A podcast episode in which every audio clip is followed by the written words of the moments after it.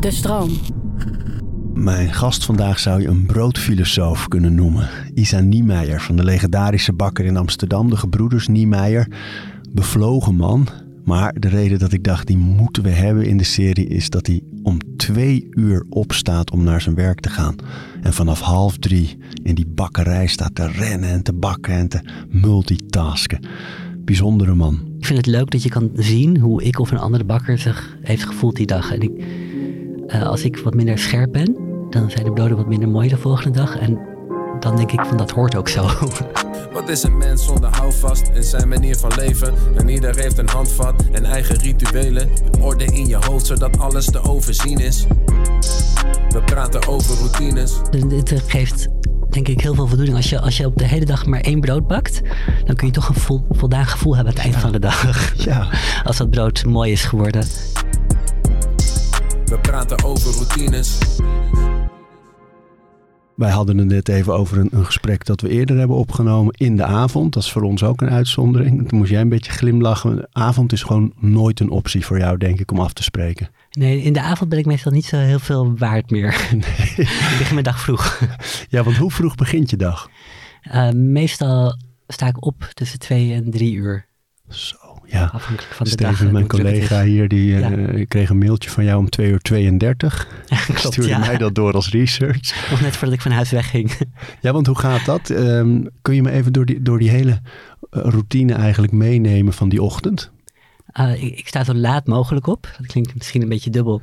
Maar elke minuut slapen vind ik fijn. Ja. Dus als ik uh, om 20 over 2 weg wil, dan sta ik om 2 uur op.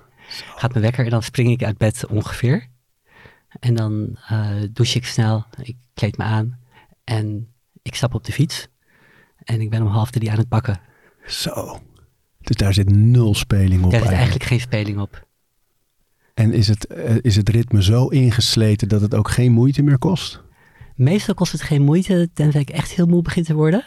En dan gaat alles wat langzamer en dan moet ik eens iets vroeger opstaan. Dus dat uh, werkt niet. Niet goed, nee. Niet goed. En dan, dan uh, die fietstocht naar de bakkerij is dus enkele minuten, denk Die is ik? enkele minuten, dat valt heel erg mee. En dan, kom- kom ik de bakkerij binnen. En dan heb ik uh, over routines gesproken, een paar vaste dingen die ik meteen doe. Ik, ik schakel de lichten aan. In diezelfde route schakel ik alvast de kassa aan voor de winkel. De, de koeling voor de, de toonkoeling in de winkel. Het koffieapparaat, belangrijk. en dan loop ik door naar beneden waar de bakkerij is. Ik leg mijn tas en mijn jas neer. En ik laat de oven vol. Met? Met broden. Allerlei soorten. Met, ja, het begint met, met de grote broden. Die bakken we als eerste 's ochtends. En later komen ook de baguetjes, de croissants en andere dingen. Ja, die, uh, al die dingen zijn befaamd natuurlijk. Dus dat gaat ook niet om uh, een paar handen vol. Dat zijn, je hebt het echt over om, honderden. Best, het gaat om honderden en het zijn grote aantallen voor een kleine ambachtelijke bakkerij. Ja, 400 baguettes las ik ergens. Ja, het kunnen er nog meer zijn. Het kunnen er ook 500 zijn of 600. Waar hangt dat vanaf? Hoe druk het is. Dus uh, rond kerst wordt het er nog veel meer. En op een gewone door de weekse dag zal het ongeveer 500 baguettes zijn op het moment. En een deel daarvan is voor de winkel. En een deel is ook voor restaurantjes die het gebruiken. Ja, tuurlijk. Dat heb je ook nog. Ja. Maar nu met die kerstdagen dan? Nu met die kerstdagen bakken we elke dag zoveel als we kunnen. Uh, nu vooral voor restaurants om vooruit te werken. Zodat die minder hoeven te bestellen rond de kerst zelf. En dan is alles voor onze eigen winkel. Maar aantal? En dan wordt het nog vroeger. Zoveel als we kunnen? Zoveel als we kunnen. Dat kan zijn ja, 600, 700, 800 pakketjes op een dag. Zo. En nog een paar honderd grote broden. Zo, en je zegt het wordt nog vroeger dan? Dan wordt het nog vroeger. De avond voor kerst is het eigenlijk uh, om acht uur s'avonds beginnen met bakken. En dan zijn de ovens de hele nacht doorgevuld. Non-stop. Is dat voor, als je er zo diep in zit en zo hartstochtelijk in zit, is dat dan als een wedstrijd spelen een soort kick ook? Of is het, is het echt even iets waar je doorheen moet? Uh, het geeft heel veel voldoening als het goed gaat. Ja, ja. Het is ook leuk. Elke keer als je broden uit de oven haalt, krijg je een soort uh, gratificatie, een soort feedback direct van hey, het gaat goed, het wordt mooi, het is leuk. Waar zie jij dat dat geeft veel plezier. Je, je, ziet het aan hoe een brood opengebarsten is. Je ziet het aan de glans van de korst. Je, je ziet in één keer of het lekker is of niet. En het is eigenlijk altijd wel lekker, maar je ziet in één keer of het echt heel lekker is of dat het oké okay is. en we gaan voor echt heel lekker. Ja. ja, daar staan jullie onbekend. Dus dat, uh, die, die feedback krijg je de hele tijd als je aan het bakken bent. En dat maakt het heel erg leuk en maakt het makkelijker om vol te houden. Maar hoe richt je de rest van je leven in op zo'n moment? Dus dat je, daar moet je iedereen in je omgeving op voorbereiden, lijkt me. Op kerst zelf bedoel Ja, je, op zo'n ja. avond. Eh, in dit geval gaan mijn echtgenoot en mijn kind eh, op vakantie. Echt? Echt. Naar onze familie in Canada. Dus dat is super fijn. Ik zou heel graag mee hebben willen gaan. Dat Ja. lukt deze kerst niet. Soms lukt het ook wel. Als de bezetting anders is, dan bak ik. En dan 's ochtends na het bakken, dan spring ik in een vliegtuig. Dit keer zat het er niet in. Eh, en kom ik pas wat later. Zo. Ja. Dus nu is het eigenlijk, voel Dus je ook niet schuldig. ruimte. je- Nu hoef ik me niet schuldig te voelen. Nu kan ik me alleen maar richten op het bakken. Maar En dat anders, is ook voldoende. stel dat je naar, naar zo'n, ja, echt zo'n, ja. een wedstrijd vind ik het echt. Dat je zo'n prestatie toeleeft. Da- Daar moet je van alles voor, eh, voor organiseren, ook buiten de bakkerij. Lijkt me. Ja, in de praktijk, eh, op een gewone normale, meer dagelijkse dag, dan voelt het inderdaad soms als een wedstrijd. Maar als ik thuis kom, dan is mijn zoontje er gewoon. En die wil ook aandacht. Dus dan gaat het, de wedstrijd gewoon door. Ja, je kan niet op een zeggen. andere manier. Ja, nu even niet. Je kan je niet zeggen, nu even niet. Dat wil ik ook eigenlijk niet zeggen. Nee. En als die ruimte er wel is, dan neem ik hem ook graag voor mezelf. Ja. Maar ehm, even terug naar eh, de dag normaal gesproken inderdaad. Je komt in die bakkerij en dan beginnen met de grote broden. Daarna de kleine dingen. Ik heb wat dingen gelezen over hoe dat gaat. En dat mensen gewoon schrikken van het tempo waarmee jij door die bakkerij vliegt. En ook andere mensen die, die- je Franse collega of andere mensen die allemaal op elkaar ingespeeld zijn. En, en op hoog tempo door die bakkerij heen en weer Ja, vliegen. klopt. En je hebt wel eens een stappenmeter gebruikt. Ik, heb een keertje een stappenteller, die had ik van mijn schoonvader geleend. Toen kwam En je toen kwam ik op een halve marathon uit in de ochtend. alleen al in de Alleen ochtend. in de bakkerij het heen en weer lopen met de broden. eh, naar de rijstkasten, naar de oven, de winkel in. Want wat gebeurt er op zo'n moment? Dus je, ehm, de oven en wat daarin moet, dat kan ik me voorstellen. Maar waar zit al die beweging in?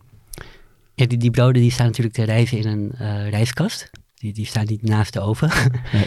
dus je loopt steeds heen en weer. Je pakt eh, elke keer een, een plaat met broden eh, uit de rijstkast. Die breng je naar de oven toe. Dan leg je ze op de ovenschieter. Dat doe je één voor één. En vervolgens de oven in. En dan hebben we vier verdiepingen. En die vul je allemaal. En als die allemaal vol zijn, dan ga ik gauw allerlei andere dingen doen. Eh, voorbereiden voor de croissantjes die we ook bakken. Of de patisserie. En nog voordat de eerste lichting broden klaar is, bereiden we de volgende lichting alweer voor om in de oven te gaan. Dus de, de schieter noem je dat, die staat alweer vol. Op het moment dat de ene verdieping eruit komt, dan gaat de andere er meteen weer in. Er zit weinig rust in. Daar zit weinig rust in. En hoe lang is die dag?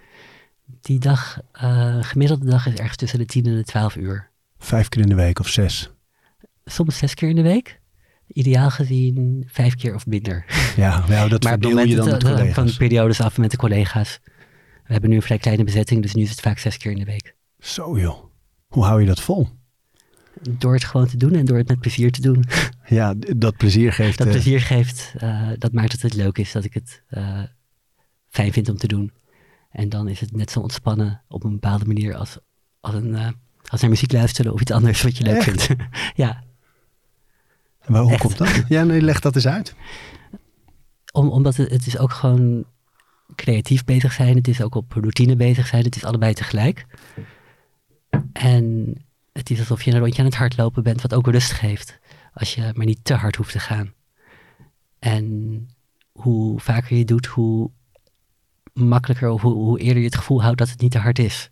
Als je één keertje ineens gaat hardlopen, dan is het veel te hard.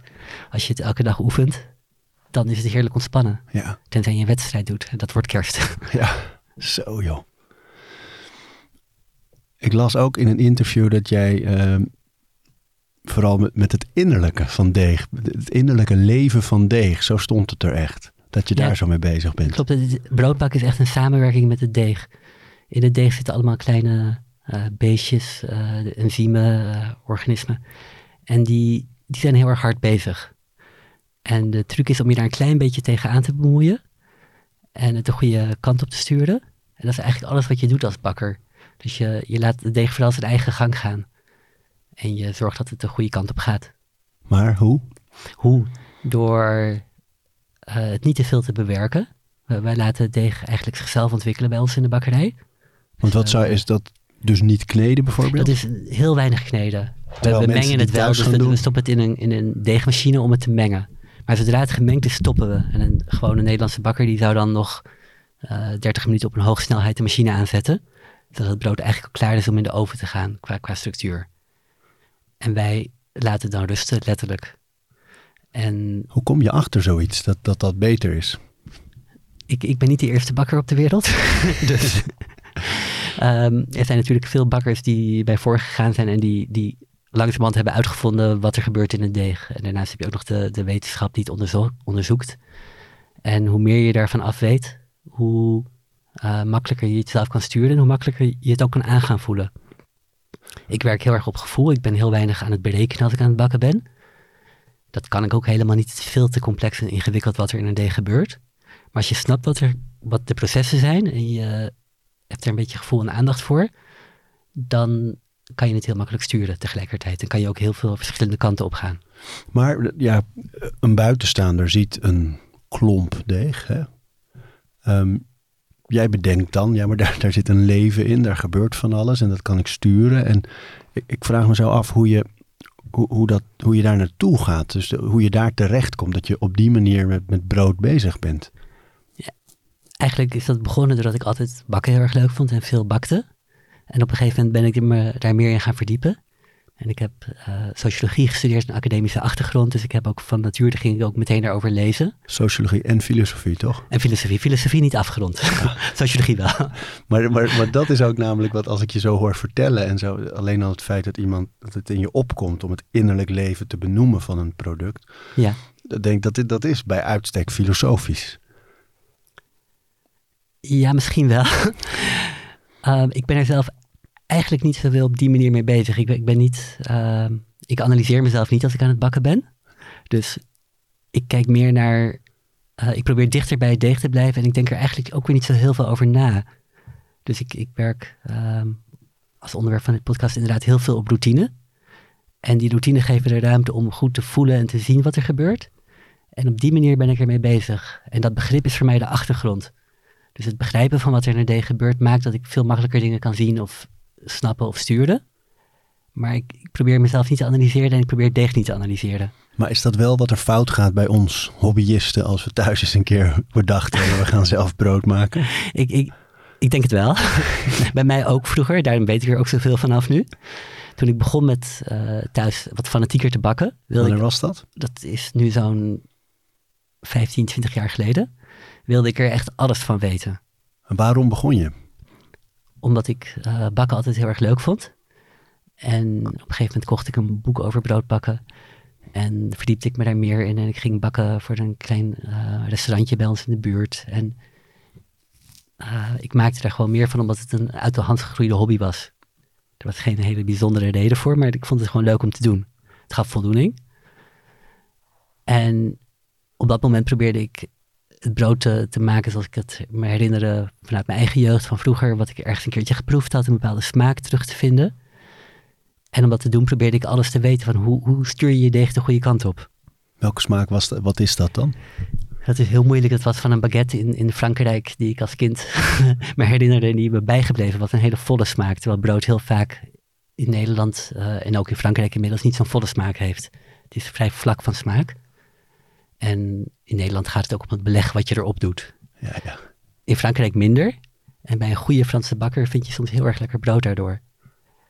En om dat terug te vinden, ging ik me er steeds meer in verdiepen. Probeerde ik te kijken van, maar wat doe ik, wat moet ik dan doen om een deeg zo te krijgen? En daarom ging ik er heel veel van lezen. En dan wil je eigenlijk alles onder controle hebben. Je wil de temperatuur, de vochtigheid. Uh, je wil weten wat de chemische samenstelling van je meel is. Dus het is gewoon gramer wat, wat de enzymen zijn die erin zitten. Uh, de percentages, de sterkte. En gaandeweg kom je erachter dat je dat helemaal niet te weten komt.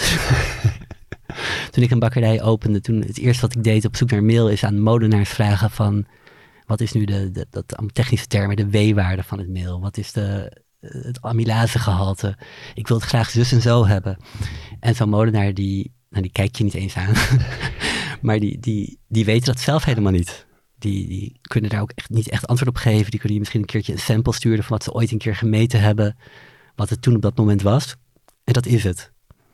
En de rest blijkt dan toch eigenlijk meer om gevoel en intuïtie te draaien. En beginnende thuisbakkers, en zeker de gevorderde thuisbakkers, die probeerden eigenlijk net zoals ik dat zelf deed, vaak precies het onder controle te hebben door te weten. En Ja, is- voor mij is dat niet gelukt. Nee, als het zelfs jou niet gelukt is. Maar ik denk sowieso, eh, in ons gesprek met Joris Beidendijk kwam dat ook zo naar voren. Dat je, uiteindelijk is het inderdaad allemaal op papier kun je misschien weten en, en uitrekenen. En, maar het proces zelf is voelen en, en ervaren en doen, doen, doen. Klopt, ja. En, en klopt het dat, je, al- dat een van jouw eerste eh, experimenten, of dat dat op een, op een, een baksteen, een eigen steenoven was? Ja, dat klopt. Een klein Moulinex oventje wat ik vroeger had. Echt zo'n mini-oven van misschien eh 20 centimeter hoog en 40 centimeter breed. Ehm, en daar legde ik een, een straattegel in, een, een baksteen om op te bakken. En ik gebruikte een plantenspuitje om vochtigheid in de oven te creëren, omdat het beter bakt. Hoe oud was je toen? Toen, toen was ik eh, ergens in de twintig. Bijzondere keuze hoor, om zo helemaal daarop te gaan. Ja, het is voor, voor eh, fanatieke thuisbakkers is het een hele normale keuze. Ja? Ja? ja, die gaan allemaal voor de baksteen uiteindelijk en, en voor de, de plantenspuit. Omdat dat de manier is waarop je een professionele steenoven thuis kan, kan namaken. Maar die zet je dan in een Moulinex of een Die andere... zet je dan in een Moulinex.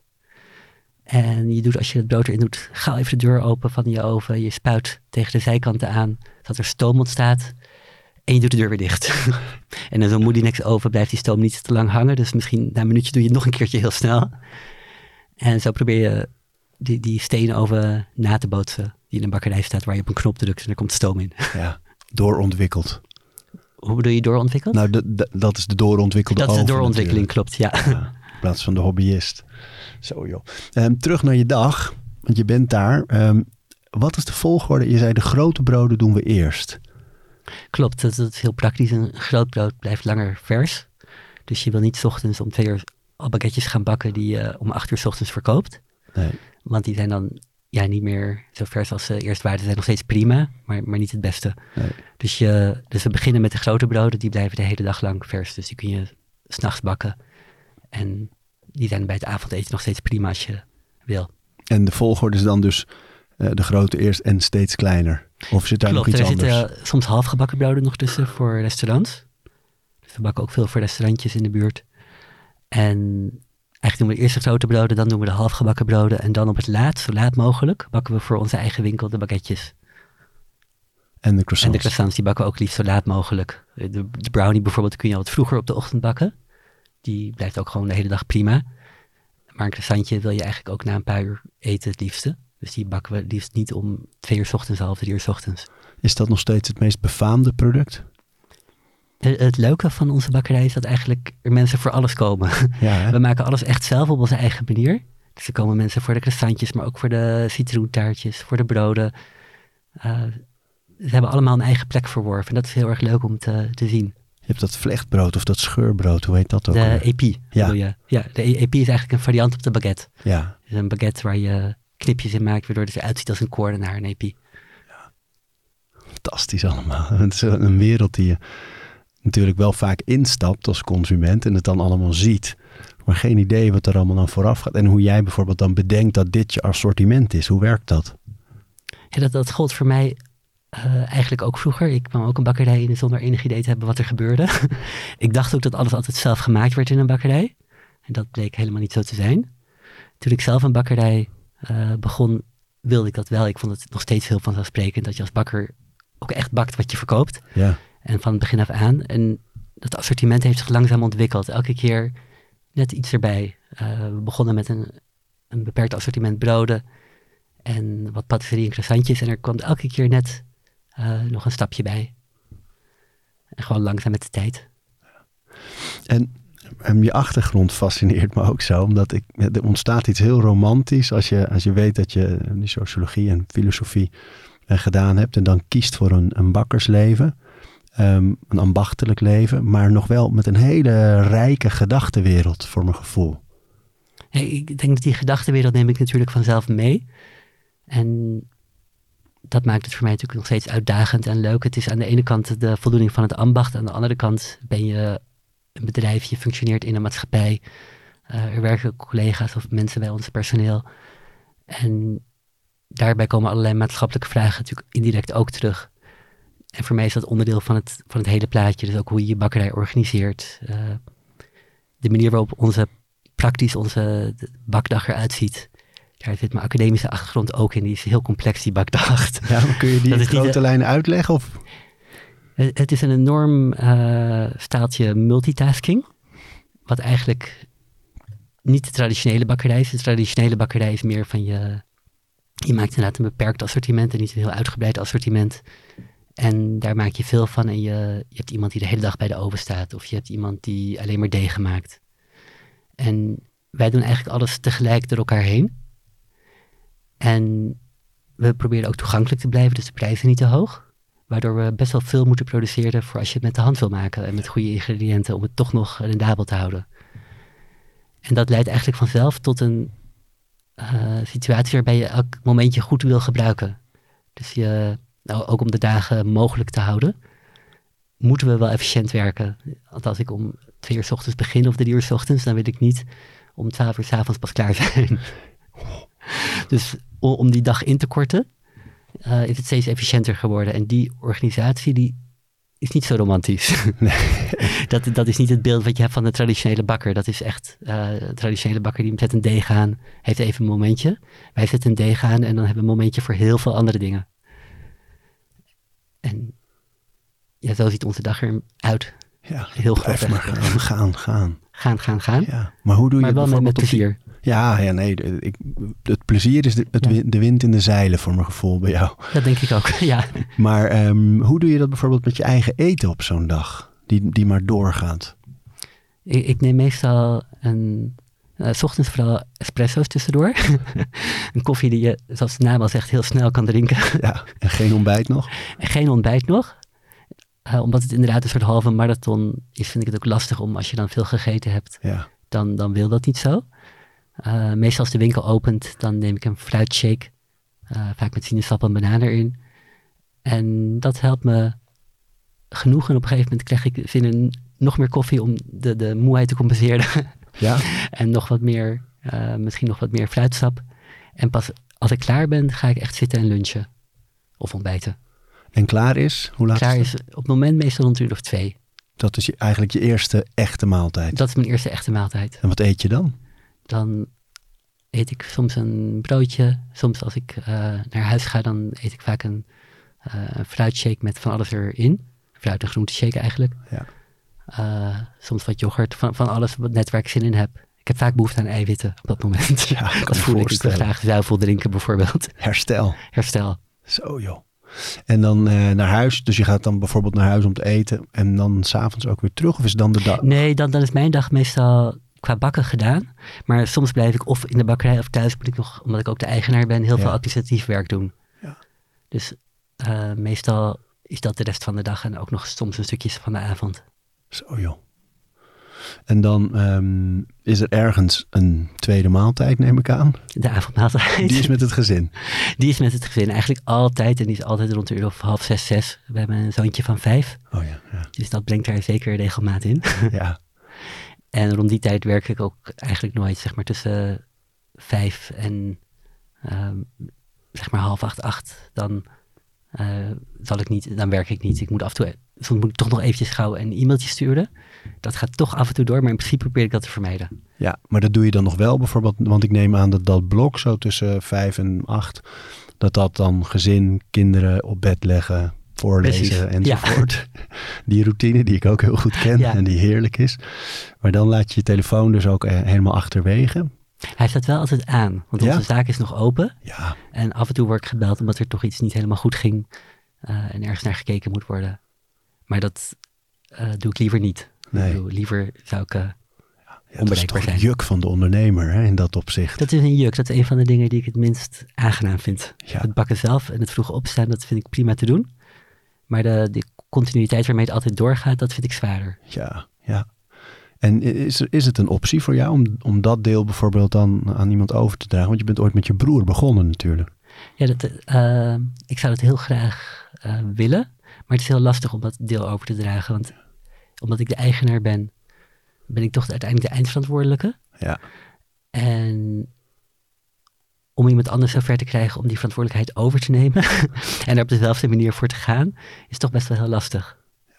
Ja, een echte manager zou je dan, maar die moet dan ook Die, die moet ook diezelfde liefde. die moet diezelfde liefde hebben en die moet diezelfde tijd hebben. Die moet geen kindje hebben s'avonds om in bed te leggen. Dus dat geldt voor andere mensen ook. En dan is het toch, als je de eigenaar bent, dan moet je wel. Ja. En als je werknemer bent, dan, ja, je wil het eigenlijk niet aan je werknemers vragen. Dus komt het bij jezelf te liggen. En voordat we de avond ingaan, eh, doe jij in het blok, zeg maar, dat je niet, eh, stel dat je wat meer tijd hebt overdag nadat je gebakken hebt, doe jij dan nog dingen om bijvoorbeeld in conditie te blijven? Of is, is dat rennen en tieren in die bakkerij jouw training ook? Dat, dat rennen en tieren is mijn training. Ja. Dat is genoeg. Ja, nee, Ja. qua conditie. Meer Als ik een genoeg. tijdje wat minder gebakken heb en ik, eh, we hebben ook periodes dat we bijvoorbeeld eh, heel ruim bezet waren in bakkers, in de bakkerij en ik zelf veel minder diensten had en ik dan weer meer moet gaan werken, dan heb ik het wel nodig om echt wat te trainen om te zorgen dat mijn lichaam er sterk genoeg voor is. En wat doe je dan? Dan bijvoorbeeld ehm, op een sportschool oefeningen ehm, of, of hardlopen. Op het moment dat ik eenmaal veel aan het bakken ben, dan zegt mijn lichaam, dit is genoeg. Ja, Doe maar geen extra training. Dan komt hardlopen er ook niet meer van. Nee, dat is het. Je je werd zo cardiovasculair dan. Alleen, eh, ik kan me wel voorstellen ook, weet je, je bent veel aan het tillen, je bent veel aan het inleggen, dat je houding ook wel eh, mee gaat spelen. Klopt, daar moet ik natuurlijk op letten. Ik moet, moet zorgen dat ik eh, mijn werk ontspannen doe. ook al is het hard werken. Ehm, want als je eenmaal je, je, je, je lichaam ja, letterlijk vast gaat zetten op een bepaalde manier, dan, dan krijg je heel snel blessures. Ja, ja. En dan is het eigenlijk niet te doen. En ehm, het avondeten, het gezin, het hele ritueel dat daarbij hoort, dan rond een uur of acht ontstaat er dan ruimte nog? Dan, dan ontstaat er iets wat tussen eh, ruimte en uitputting heen en weer balanceert. dat, dat wisselt een beetje. Eh, mijn vrouw die werkt ook eh, behoorlijk hard. Ze is universitair docent en, en ook verantwoordelijk voor van alles en nog wat daar. En ehm, op dat moment, ja, dat dan som- soms eh, is het fijn om nog even tijd samen te hebben. Soms zijn we allebei gewoon totaal uitgeput. En soms is er nog een hoop werk wat nog even gauw gedaan moet worden. en dan is het zaak om zo lang mogelijk te slapen in elk geval. Dus om Ja. niet te laat naar bed te gaan. Ja, en dat ritueel, dat, daar ben ik zo benieuwd naar. Want ik, moet, ik wilde vroeger ook pakker worden. ja, Maar dat was echt in de jaren dat ik gewoon dacht, ja, dan sta je gewoon in het hart van alles dat je lekker vindt. En, en zo stelde ik me dat als kind voor, dat je dan dus wel de dingen misschien ook maakt. En dat ging dan vooral om suikerbrood en taartjes en krentenbollen en eh, gewoon dingen die een, kind lekker vindt. Maar dat ik ook dacht, dan kan je ook de hele dag eten. En zo, dat was voor mij, ik dacht nog helemaal niet aan het werk. Maar ik kan me wel voorstellen dat op het moment dat jij eh, eh, aan het einde van die dag klaar bent, dat er zoveel is om los te laten aan processen. Ehm, dat valt gelukkig meestal wel mee. Dat denk ik ook een reden waarom ik het goed kan blijven Ja. doen. Ik neem meestal wel het, het bakken niet meer mee naar huis, zeg maar. Dus ik heb nog wel de verantwoordelijkheid voor bepaalde dingen. Als mijn telefoon gaat, moet ik hem opnemen. Maar ik ben er niet de hele tijd mee bezig. Ik laat het eigenlijk vanzelf ook wel weer los. Dankzij Squarespace kunnen we je deze aflevering van Over Routines aanbieden. Het is een veelzijdig platform dat je helpt om je eigen website te bouwen. Of je nou je producten of diensten wilt verkopen of je kunst wilt delen met de wereld. Hier een paar handige functies van het platform. Met de verschillende ontwerpmogelijkheden kan je eenvoudig een website maken die past bij jouw stijl en behoeften. Je hebt geen technische kennis nodig om je website te beheren of om te herschikken of inhoud toe te voegen. Ook kan je met Squarespace allerlei services koppelen aan je website, zoals je social media of e-mailmarketing en betaalsystemen. Zo kan je de mogelijkheden van je website nog veel verder uitbreiden. Je kan het nu uitproberen door de gratis proefperiode via squarespace.com/overroutines. En ben je klaar om je website te lanceren? Gebruik dan de code OVERROUTINES, dan krijg je 10% korting op je eerste aankoop van een website of domein. Ik, zit niet de hele dag nog door te piekeren. Als ik dat wel doe, als ik s'nachts over bakken droom, is het een teken dat ik iets te ver ben gegaan. Ja, dat gebeurt dus wel eens. Dat gebeurt natuurlijk wel eens. Ehm, maar dat is altijd een teken van dat ik voorzichtig moet zijn en probeer er zoveel mogelijk rust te nemen. En wat doe je dan? Dan heb ik vaak die rust niet. dan probeer ik het maar zo ontspannen mogelijk weer aan te gaan. Er staat dat een boel druk op. er staat een boel druk op. Het is een heel dagelijks iets. En dat is iets wat ik me nooit realiseerde. Bakken, eh, het moet elke dag opnieuw weer. Eh, ik had vroeger een academische achtergrond. Als je bij elke baan op die manier, dan, dan geldt er heel erg dat je werkt aan een proces. Je bent een tijd lang bezig met een onderzoek of je bent een tijd lang bezig met een project. En je kan het een dagje laten liggen en je kan er een nacht voor kiezen om door te werken. Dat, dat, je hebt die vrijheid. Ja. En bakken is heel dagelijks. Je moet het elke dag opnieuw weer uh, maken. En van het nul beginnen eigenlijk. En ja, dat, dat is en heel zwaar en het geeft veel voldoening. Het is allebei. Je, je doet elke dag iets wat je voldoening geeft. Je leeft elke dag het eindresultaat. Ja. Maar je kunt niet de rust pakken wanneer je denkt van nou nu vandaag eventjes niet. Nee, maar je leeft wel echt. Hè? Je, als je hartstochtelijk bezig bent met wat je echt fijn vindt om te doen en die voldoening voelt, dat is wel waardevol. Klopt, het is wel waardevol. Ik, ben ook, ik heb er geen spijt van dat ik dit beroep heb. Nee, nee, nee, nee, nee. Je hebt ook echt iets moois neergezet natuurlijk. Ja, maar het, het avondritueel van je zal toch naar. Ben je zo moe dat als je gaat liggen dat je ook weg bent? Of lees je nog? Doe je dingen? Ehm, soms, uh, als we allebei moe zijn, dan kijken we nog uh, een comedy-serie of zoiets op tv. Of iets wat licht is. Ja, ja. er zijn heel veel dingen die best als je een zoontje van vijf hebt en je denkt erover na, eigenlijk heel droevig en dramatisch zijn. en die zien we dan liever niet. Nee. Dat, we zijn ons bewust van hoe het leven in elkaar zit. En dat is dan fijn om dat even los te laten. Ehm, en dat is het soms zo'n beetje. Dus er, uh, als ik wat meer energie heb, dan lees ik graag. En dat is eigenlijk alleen in vakanties dat ik er echt aan toe kom. En wat lees je dan? Dan lees ik uh, romans. Ik lees eigenlijk bijna nooit vakmatig. Ik weet heel weinig van wat er in andere bakkerijen gebeurt. Behalve als ik op vakantie ben, dan ga ik bij alle bakkerijen langs waar ik, uh, ja. die, die, ik zie. Dan moet ik toch even naar binnen kijken. En vaak zie ik het ook wel in een minuutje wat er ongeveer gebeurt. Maar, maar dat... Uh, Want hoe kijk jij dan? Dan loop je zo'n bakkerij in en dan? Ja, dan, dan zie ik aan hoe het gemaakt... Hoe, hoe dingen eruit zien, zie ik hoe ze gemaakt zijn.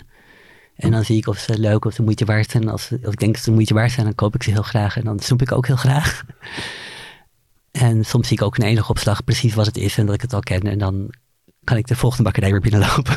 Ja, maar en waar kijk je, stel dat we het gewoon over een brood hebben. Wat, ja, ik, ik, zie dan inderdaad aan de korst, aan de glans, aan de manier waarop het opengebarst is of niet.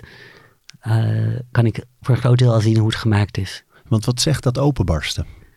Dat, dat, dat zegt iets over zeggen. hoe het gebakken is. Als een mhm. brood op een stenen vloer gebakken is en het is goed gemaakt, dan barst het heel mooi open. En als dat uh, minder gebeurt, dan kan het zijn dat het bijvoorbeeld een overontwikkeld deeg is. Of dat het uh, dus niet op een stenen vloer gebakken is. En dat zijn allemaal dingen die de smaak beïnvloeden. Je kan ook zien hoeveel suiker er nog in de korst zit. En daarin kun je zien hoe lang de rijsttijd is geweest. Als een brood lang gerezen heeft op een lage temperatuur, dan is een van die processen in het meel is dat zich uh, zetmeel wordt omgezet in suiker door enzymen. En bij een brood wat snel gemaakt is, gebeurt dat eigenlijk niet. Dus dat heeft een andere kleur, een andere glans. En ook niet die krokante korst op dezelfde manier.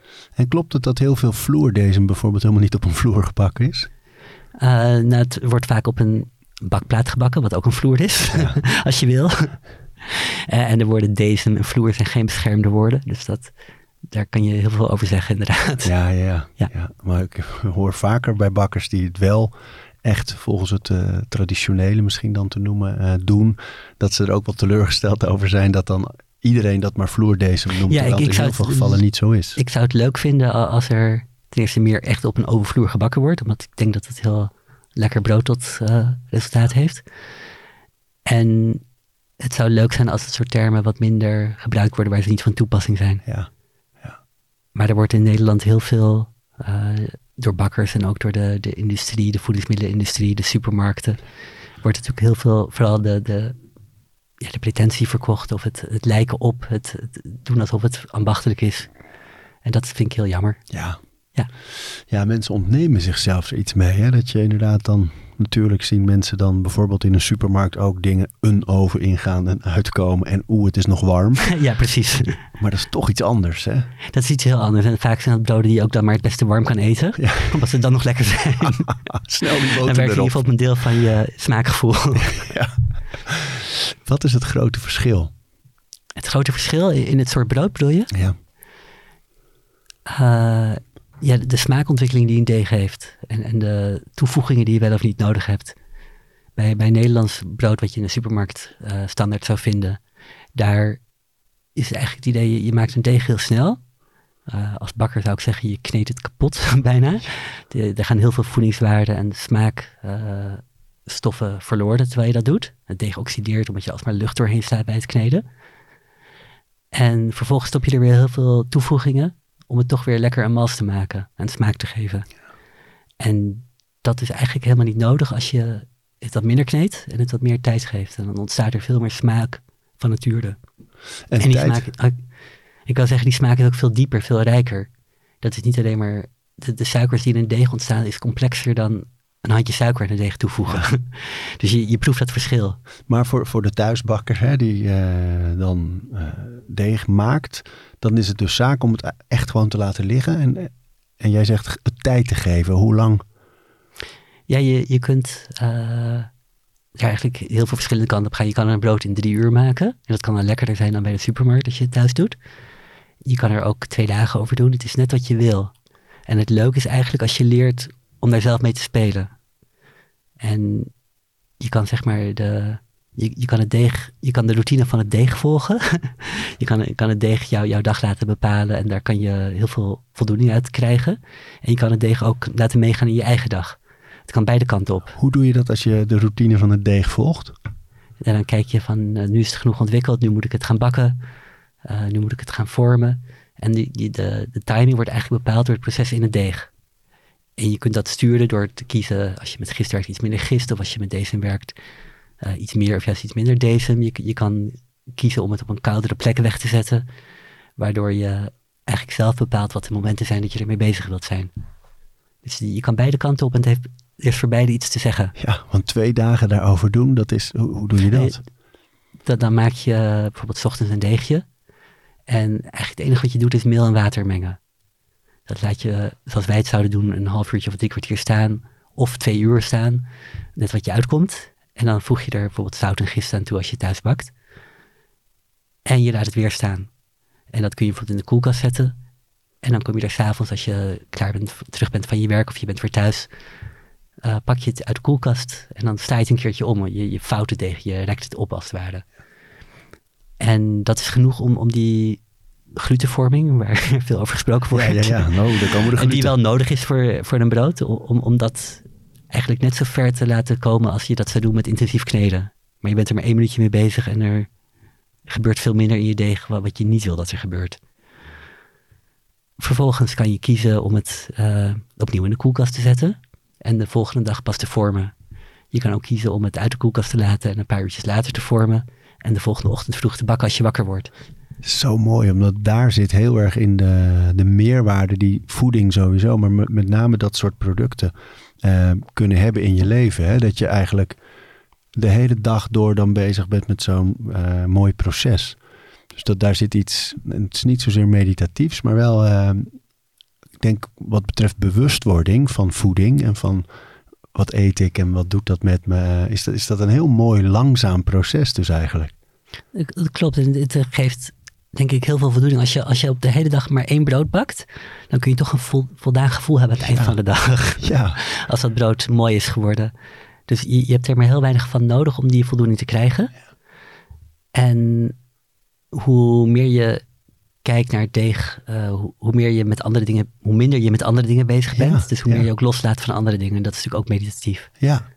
Ja, het vult die ruimte. Klopt. En in een bakkerij is dat anders. In een bakkerij zit ik niet heel stil meditatief voor de oven naar mijn deeg te kijken. Het In rijst. mijn bakkerij zit de meditatie bijna in de, de absurd strakke planning, waarbij ik elke seconde gebruik en voortdurend probeer daar buiten te staan, waardoor ik nog steeds kan improviseren. Ik zie steeds voor me dat, dat je met een, een man of vier, vijf zo echt zo door elkaar eh, rent. Ja, we werken meestal met z'n tweeën of drieën. Ah, En soms eh, zijn er mensen uit de winkel die helpen op een rustig moment in de winkel, ook even in de bakkerij.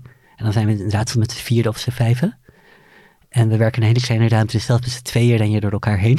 ja, maar is het schouderduwen en, eh, en ellebogenwerk? Eh, net niet. Dat proberen we te vermijden. Maar dan ben je goed op elkaar ingespeeld. Ja, het is soms als- alsof je een klassiek ballet opvoert, als je, of een jazzballet misschien meer, waarbij je voortdurend om elkaar heen draait en, en op elkaar inspeelt. Eh, Want ik hoorde die eh, eten wat de pot schaft, cast. Ja, wat de podcast schaft. Nou Wat de podcast schaft. Ja, ja, dat is hem. Ja. Ehm, en daar, en daar Wat, schaft de podcast, sorry. Wat schot op, ja, dat is hem. En een van die jongens had stage. En dat zijn jongens die culinair echt wel op niveau zitten. Die eentje had stage gelopen. En ik, ik hoorde hem beschrijven hoe dat daartoe ging. En hoe jullie door elkaar eh, renden en vlogen. En de hele dag door. Af en toe waren er tien minuutjes voor hem om Ja. even te zitten. Maar het meeste was staan. En dat ik steeds dan liep die jongen, hoe goed hij misschien ook was culinair, niet voortdurend in de weg. Hij, hij, hij liep niet in de weg. nee, ehm, het, het is voor ons wel intensief om iemand te begeleiden. Omdat Ja. je inderdaad, het is veel makkelijker als je met je eigen dingen bezig bent of met een ervaren collega. Dan dat je mee moet kijken voor een ander, terwijl je ook nog zelf heel hard aan het rennen bent. Ehm, maar dat is zeker niet in de weg lopen. het was leuk dat hij mee kwam lopen. Ja. Dat doe ik ook met plezier. Dat geeft ook extra diepgang. En het is ook iets wat je...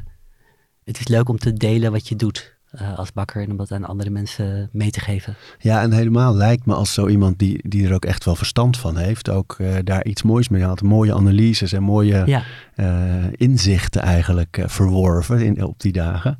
Dat is een hele leuke podcast om eh, terug te luisteren. leuk. ja. Ja, ja. hij had er ook gevoel voor. Ja, Ja. ja. Nee, dat was heel mooi. En ik wil toch nog terug naar je avond, omdat ik ehm, zo benieuwd ben hoe laat je gaat slapen. Dat wisselt. eh, meestal iets van half tien, tien. Eh, soms ook iets later, maar dat is eigenlijk niet goed. Maar dat is nou eenmaal wel soms zo. Maar vind, ik vind het sowieso laat. Als je om twee uur opstaat, is dat Ja. heel laat. Ja, Maar dat is om, als een zoontje om acht uur gaat slapen, of eindelijk echt slaapt, ja. dan heb je toch nog even een momentje nodig. Heb je ook wel eens dat je zit voor te lezen en, en zelf wegknikt? Of? Ehm, ik heb het meestal als ik thuis kom, eh, rond de uur of vijf, zes, en ik hem net heb opgehaald, als hij naar het kinderdagverblijf is geweest. Dat vind ik vaak het zwaarste. Dan heb ik vaak even een momentje dat ik eigenlijk niks liever wil dan even slapen. Dutten. Ja. Ja. en als die dan mee zou dat- doen. Als hij dan mee zou doen, maar dat doet hij niet. Nee. nee. Oh, maar ik heb Hij het zit vol wel, energie, eigenlijk net zoals ik, alleen dan nog wat jonger. Ik heb het best wel vaak hoor, met het voorlezen dan aan het einde van lange dagen. eh, eh, dat je zo zit. Ik zit dan in zo'n stoel en eh, mijn dochter, de oudste, en mijn zoon is de middelste, die slapen op één kamer. Mijn zoon is na een paar regels weg, die hoor, hoor ik dan Ja. snurken. Mijn dochter blijft, als ik drie verhalen zou lezen, blijft ze drie verhalen zitten. Die blijft gewoon Ja. alert. Alleen ik heb dus best wel vaak dat ik dan zelf een beetje zo Wegzak. En soms ineens gewoon stop. Papa, je slaapt. Hoor ik dan, weer verder. Ja, mijn vader deed dat altijd, dus ik doe dat niet, denk ik, daarom. Nee, maar waar, Die was altijd weg als hij aan het voorlezen was, dat hij eventjes ineens hoorde je niks meer. en ehm, misschien daardoor dat ik dat zelf eh, bij het voorlezen alert blijf. Nou, maar ik heb ook het gevoel dat Ja. jij wel een indrukwekkende energiebron hebt. Of bent. Ehm, dat je dit volhoudt zo. Ja, ik, ik weet niet. ehm, ik denk wel van nature dat ik energie heb en optimisme, eh, of realistisch optimisme, hoe je het ook wil noemen. Waardoor ik dingen wat makkelijker aan kan gaan. Ik vind het soms ook eh, heel zwaar, dus ik, ik, ben geen, ik heb geen onuitputtelijke energie. Dat, maar hoe dat, werkt eh, dat met dat, dat optimisme? dat ik me niet zo snel uit het veld laat staan, denk ik. In, met het hebben van een bedrijf kom je natuurlijk van alles tegen. Ehm, je kan 's ochtends binnenkomen en er kan een stroomuitval zijn. Of eh, er is iets kapot en je moet toch door. En je, je moet toch open elke dag weer opnieuw. Ehm, er, kan- een collega ziek zijn, je kan zelf ziek zijn. Er kan van alles zijn waar je voortdurend mee om moet gaan. Eh, er kan een lastige situatie ergens zijn. En ik denk dat ik van mezelf daar niet zo snel van eh, me door onderuit laat halen. Maar dat ik het gewoon aanga en gewoon neem voor wat het komt. En dat helpt denk ik heel erg. En heb je nooit het gevoel dat je aan het opbranden bent? Jawel, Ja? dat gevoel heb ik wel eens. Ja. En als het me lukt om ruimte te creëren voor mezelf, doe ik het ook altijd. Dus als, als ik eh, een collega kan vragen om te werken zonder dat ik die collega overbelast, dan zal ik dat zonder meer doen. Ik, ik heb nooit zoiets van, ik wil dit graag zelf doen. Ik heb altijd zoiets van, als ik het uit handen kan geven, als ik kan delegeren, dan doe ik dat ook. Ja, en dan kijken jullie waarschijnlijk naar elkaar en denken ook van oei, daar moet even, daar pak ik wat over. Of als je Ja, zelf soms doen denkt, we dat onderling. Ja, we, we hebben één bakker die al heel lang bij ons werkt. En met haar, ik kan inderdaad zien wanneer zij te moe is eigenlijk. En zij ziet natuurlijk ook wanneer ik te moe ben. En dan zegt ze van, ga jij maar eerder naar huis of zo. Dat, daar kunnen we elkaar een klein beetje in steunen. Maar het werk moet nog steeds gedaan worden. En is het ook zo, omdat ik, ik heb, nou, ik woon nu niet meer in de stad, maar heb dat wel zo'n twintig jaar gedaan. En dus regelmatig bij mensen geweest dat ze of voor een mooie lunch met een goed fles wijn en dan moet er dit en dat van die meijer komen. En weet je, dus heel veel mensen gaan naar jullie toe om iets net even wat feestelijker, net even wat beter te maken. Of om tradities te bouwen. Die halen we elke zondag daar, of die halen. Ehm, voelt het ook zo dat je in een soort uh, competitie ook wel bent met andere bakkers in, het, in, het, in de stad of het land? Uh, nee. Nee? nee. Ik, ik, ben heel weinig bezig met competitie met anderen. Um, eigenlijk kijk ik vooral naar wat we zelf aan het doen zijn. En hoe ik dat leuk vind om te doen. En we doen ook echt op onze eigen manier, juist om, omdat het gebaseerd is op hoe ik graag brood bak en hoe ik het leuk vind om het te doen. En wat ik graag aan klanten mee wil geven. Wat is dus dat? Ik ben heel weinig aan het kijken. Dat is een hele lekkere smaak. dat is een goede structuur. Dat zijn producten waar geen troep in zit. Dat zijn zelfgemaakte producten die elke dag een beetje anders kunnen zijn. Ja, hè? En daardoor niet saai worden. Dus ze kunnen ook een dag wat minder goed zijn. En dan denk ik eigenlijk, dat hoort erbij. Als je altijd hetzelfde wil, altijd, dan, als je veiligheid wil, dan moet je eigenlijk kiezen voor iets wat, wat meer gemiddeld is. En dat doen de meeste bakkers ook, denk ik. En wij kiezen ervoor dat het echt heel erg lekker en goed kan lukken. Maar wel met de hand gemaakt. Daardoor wordt het ook zo goed. En daardoor kan het ook een keertje wat minder goed worden. Altijd als het over jullie uh, producten gaat, is dat ook wat er gezegd wordt. Hè? Dat de croissants niet uh, dezelfde vormen hebben. Of in ieder geval niet altijd. En dat er altijd wel eentje iets rechter is of iets Ja. kleiner of iets. En, maar dat roemen ze ook. Dat vinden mensen toch fijn. Ja, ik, ik denk dat dat helaas, zou ik zeggen, bijzonder is. Ja. Omdat het, het, is een, het is lastig. Het betekent feitelijk dat wij iets bakken wat soms wat minder mooi eruit ziet. En soms ook iets minder mooi is van structuur bijvoorbeeld. En je kan ook niet dan alle croissantjes weggooien die dag. Klanten komen er wel voor, dus je, je moet ze wel verkopen. En ze zijn ook op zich meestal, als het goed is, wel gewoon lekker. Maar ze zijn niet perfect. En je moet er heel erg hard voor werken om ze goed te krijgen. En dat legt een enorme druk op je. En mijn keuze daarin is om het verliefd te nemen dat het soms ook wat minder goed gaat. En dat is moeilijk om te verkopen, letterlijk. Ja, ja, ja. en ik denk dat de meeste van onze vaste klanten dat gelukkig wel snappen en waardeerden. En ik denk ook dat het iets is om te waarderen. Maar het is iets waar de meeste bakkers kiezen dan toch voor veiligheid in de hele industrie. Eromheen die, die maakt het ook mogelijk om voor veiligheid te kiezen. Voor een gemiddeld product dat altijd acceptabel is, maar nooit echt lekker. En daar voel ik weinig passie bij, dat wil ik niet. Dat, dat zegt mij niet zoveel. Is dat ook wat jou gaande houdt? De, die hele uitdaging eigenlijk, die dat toch ook is? Die, die uitdaging maakt wel dat ik het leuk vind. Ik vind het leuk dat je kan zien hoe ik of een andere bakker zich heeft gevoeld die dag. En ik, uh, als ik wat minder scherp ben, dan zijn de broden wat minder mooi de volgende dag. En dan denk ik van dat hoort ook zo. Ja. ze moeten wel goed zijn, ze moeten niet vies smaken of zoiets, maar ze, ze mogen ook wat minder mooi zijn. En ik kan mezelf dan ook heel makkelijk vergeven.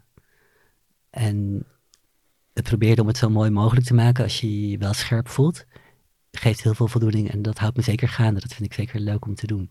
En dan is het ook echt bijzonder wat je, wat je maakt als het goed gaat. Ja. En, en wat moet de persoon die het allemaal proeft, wat moet daarmee gebeuren? Denk jij daarover na? dat is heel ambitieus. ja, ja. Ik hoop dat de persoon die het proeft het lekker vindt ja, dat... en ervan geniet. En als ik zelf vind dat iets net iets minder mooi geworden is, dan vind ik dat wel heel jammer en pijnlijk. Want ik zou willen dat iedereen die elk croissantje wat je koopt, iemand koopt ook maar één croissantje en koopt er niet honderd. Dus als er één croissantje minder mooi is, dan komt het toch bij iemand terecht. En dan vind ik dat een naar gevoel dat die misschien niet het perfecte croissantje heeft en er wel voor komt. dus dat, um, ja, en verder moet iemand, ja, iemand moet er vooral van genieten en, en met plezier eten. Dat is eigenlijk zo simpel als het is. Ik denk ook de hele tijd, terwijl ik zo naar je luister, dat je uit zo'n uh, academisch uh, gezin ook komt.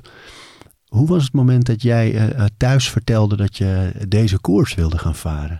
ja, mijn ouders hebben me ten eerste altijd alle ruimte gegeven. Dus ik mocht alles doen wat ik wilde. Dat hoefde niet academisch te zijn. Dus ik bakte ook heel veel thuis en ik experimenteerde heel veel. Um, en zij vonden het alleen maar leuk dat ik voor mezelf een bakkerij begon en daarmee verder ging. Dat was geen uh, probleem. Uh, op de universiteit, ik, ik, studeerde net af, ik kreeg mijn masters en de decaan daar had zoiets van, en hij wordt bakker. met een blik van wat gebeurt er nu? wat zonde. maar mijn ouders hebben me dat gevoel nooit gegeven. Nee, ja, zonde. Ik bedoel, wat vind je ervan dat iemand dat zegt? Uh, jammer, dat is zonde dat iemand dat zegt. Ja, ja, ja. ja, ja. maar uh, het is ook begrijpelijk, zo, want je denkt dan, er gaat een hoop kennis en potentie verloren. En ik denk eigenlijk, dat is niet per se zo. Je kunt op je, de, de kennis, de ontwikkeling, de potentie, kun je op heel veel verschillende manieren inzetten. Ja. Ja, want heb je het gevoel dat die studies, hè, de sociologie en dan die filosofie daarnaast, eigenlijk ook wel heel erg terugkomen in wat je nu doet? Ja, ik, ik denk het op heel veel indirecte manieren wel. Dus in de keuzes eromheen, in hoe het bedrijf eruit ziet. Uh, in hoe ik tegen het bakken aankijk, de vrijheid die ik daarin neem. Het, het, bewustzijn dat je kan kiezen voor iets wat varieert of wat elke dag hetzelfde is of wat de industrie promoot en dat te overzien. Daar komt natuurlijk veel in terug van, van mijn academische achtergrond. Ja, ja. En voelt het dan ook soms als een missie? Um, nee. ik had vroeger als kind zeker die ambitie om de wereld te verbeteren. Ja, ja. Uh, om de hele maatschappij te veranderen. En ik denk dat ik uh, heb geleerd om wat meer bij mezelf te blijven. En voor mezelf mijn eigen missie uh, te volbrengen. En ik probeer daarbij niet de wereld te veranderen. Ik vind het wel leuk, ook met de boeken die ik geschreven heb, om andere mensen die mogelijkheid te bieden. Ja. Om daar een klein beetje aan bij te dragen. Maar een missie is denk ik een te groot woord dan. Nee, maar ook in je boeken, nu bijvoorbeeld uh, een boek over brood. Um, het gaat ook wel heel erg over uh, dat echte producten, over dingen maken, over bewustzijn van, van wat je eet en hoe dat tot stand gekomen is. Dat, ik bedoel, ik wil je niet een missie in de ja. schoot duwen hoor. Maar, maar weet je, ik vind het juist mooi aan, aan jouw werk. Uh, Joris heeft dat ook bij de dijk. Samen we leven is daar een goed voorbeeld van. Van mensen die hartstochtelijk met hun ambacht bezig zijn. En, en de rest van ons daarmee ook meegeven van jongens, dingen worden met zorg gemaakt. En daar kan je nog meer van genieten. Van smaken, van hoe het tot stand gekomen is. Van wat erin zit, van wat erachter zit allemaal dat dat een soort uh, een bewustzijn is dat in deze tijd zo belangrijk is. Omdat de rest zo vluchtig is. En omdat er zoveel te eten valt waar, waar minder liefde in zit. En, uh, en dat ook iets met je energie doet. Ik geef dat, dat graag mee aan mensen. En ik, uh, om het maar zo te zeggen, ik leef graag zelf op die manier. Ja. maar ik probeer niet het mensen in hun schoenen te schuiven. Ik denk dat als iemand er open voor staat en er interesse in heeft, dan zal iemand dat oppakken en uit die boeken halen en daar ster, zich door gesterkt voelen. En ik vind het ook heel leuk om met een boek iemand te inspireren om, om zelf te bakken. Ook al is het misschien een heel ander brood dan ik zelf zou kiezen. En om mensen juist die vrijheid te geven en erin in te stimuleren. Ik probeer niet uh, via allerlei platforms de wereld te verbeteren, ook al zou ik dat graag doen. het is niet dat ik dat niet wil, het is meer dat ik denk van dat kan ik niet, dat lukt me niet op die manier één croissant per, per keer. Eén croissant per keer, precies. Ja, ik zat net naar je handen te kijken toen je ze op tafel had. Uh, want dat herinner ik me nog toen we met Joris Beiderdijk aan het praten waren. Die mag nooit, van, uh, die mag nooit in het patisserie deel komen van de keuken, omdat hij daar te grove handen voor heeft. Maar ik zag bij jou inderdaad dat je piano had, kunstenaarshanden hebt. Ja, ik, ik heb inderdaad uh, vrij fijne handen. Ja, maar dat is goed, maar echt de hele fijne patisserie, die maken wij ook niet. We maken Nee? geen suikerwerkjes of kunstwerken. Bij ons is de patisserie ook meer op de smaak gericht en de structuur dan op het uiterlijk. En de, voor die structuur dan moet je je handen gebruiken. Je moet ze fijnzinnig gebruiken. Ja, hè? Je moet soms een deeg heel weinig aanraken, maar, maar het, het echte met heel veel geduld vormen van eh, een taart en het heel mooi glad maken, dat is iets wat wij eigenlijk ook niet doen. En waar ik ook niet talent voor heb. Nee, maar je voelt wel, heb ik het Maar ik voel wel wat ik Ja. doe. Ja. Eh, Kun je dat nog proberen uit te leggen? Tot slot hoor, maar ehm, als jouw handen deeg raken, hoe, in hoeverre dat... Ja, wat voel je dan? Ik voel eigenlijk eh, in een fractie van een seconde, want ik raak tegen maar heel kort aan, want we, we werken snel. Eh, maar ik kan aan een stuk deeg of een brood, wat we aan het vormen zijn, kan ik voelen van hoe is die spanning, hoe, hoe eh, is het goed opbrekbaar, is het minder goed opbrekbaar, is het voldoende ontwikkeld, moet het nog wat meer ontwikkeling hebben, hoe warm of hoe koud het is. Eh, dat voel ik allemaal in een fractie van een seconde, waardoor ik eigenlijk weet waar de smaak naartoe gaat en wat ik nog kan doen om die smaak op een goede manier te beïnvloeden. En als je een brood vormt, dan moet je het ook een bepaalde oppervlaktespanning meegeven. En die moet precies goed zijn voor hoe de deeg zich ontwikkeld heeft. En ook dat voel je in zo'n seconde. En ik denk eigenlijk, uh, ik dacht erover na omdat het het onderwerp van deze podcast is, dat het in, in de bakkerij werken we heel veel op routine. Heel veel dingen die we automatisch doen. En dat geeft eigenlijk juist de ruimte om te improviseren en om dingen aan te kunnen voelen en te kunnen zien en erboven te staan.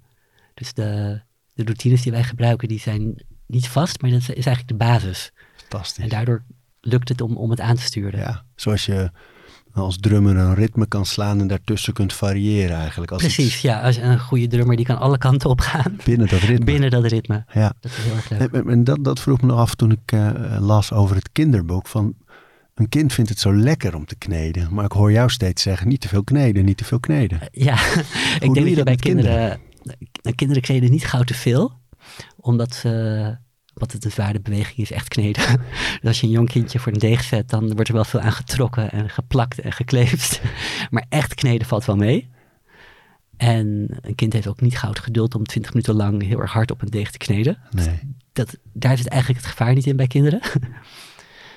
Um, en kinderen hebben wel vaak van nature gevoel voor, voor deeg. Ze, ze, knutselen veel, ze tekenen veel. Dus die, die fijne motoriek, die is er eigenlijk wel van kindje alleen het laten leren en zien van wat je ermee kan. En dat is heel erg leuk om te doen met kinderen. Ja, ja, en het is zo leuk als ze bij dat proces betrokken zijn, dat ze dan ook veel sneller geneigd zijn te proeven, te, uit te proberen. Dus Klopt, ja. En daarbij geldt ook veel kinderboeken, die, kinderbakboeken, die maken hele mooie kleurrijke recepten die helemaal niet lekker zijn. Gewoon meer zoet, je kan ook net zo goed een suikerklontje geven. Ja. En het leuke is, kinderen vinden het ook leuk om een, om een deeg zichzelf te zien ontwikkelen. Die vinden het ook prima, om, om, of eigenlijk hartstikke leuk om, om een deegje uh, s'avonds te maken of, of s middags te maken. En de volgende dag te zien hoe het gerezen is en wat er van geworden is. Ja. En bij deeg is het ook nog zo dat als je het op die manier maakt, het ook meer vergeeft. We hebben laatst met de, de klas van mijn zoontje op school brood gebakken. Ze hebben met de juf het deeg de dag van tevoren gemaakt en de volgende dag gebakken. En iedereen, alle kinderen zitten eraan, iedereen doet er van alles mee. En toch wordt het brood lekker. Maar wat bedoel je met vergeeft? Dat je er van alles mee kan doen. En dat je met een klein beetje bewustzijn of een paar handige trucjes het toch heel lekker kan maken. Dat, je, dat het niet zo strak hoeft. Ja. Het is niet maar één manier om een brood lekker te maken. Het, het, je kunt heel veel kanten uit blijf het zo mooi ja. vinden hoe jij met al die termen die ik uit andere uh, werelden ken, dat het allemaal betrekking heeft op brood en bakken. Over ja. vergeving en innerlijk leven. Nee, klopt. Ik denk brood is een stukje van het leven, net zoals al het andere. Dus daar kun je dezelfde termen voor gebruiken. Ja, mooi joh. Leuk. Heel leuk. Ik heb zin om te gaan bakken. Leuk. Ja, heerlijk. Dankjewel. Graag gedaan. We praten over routines.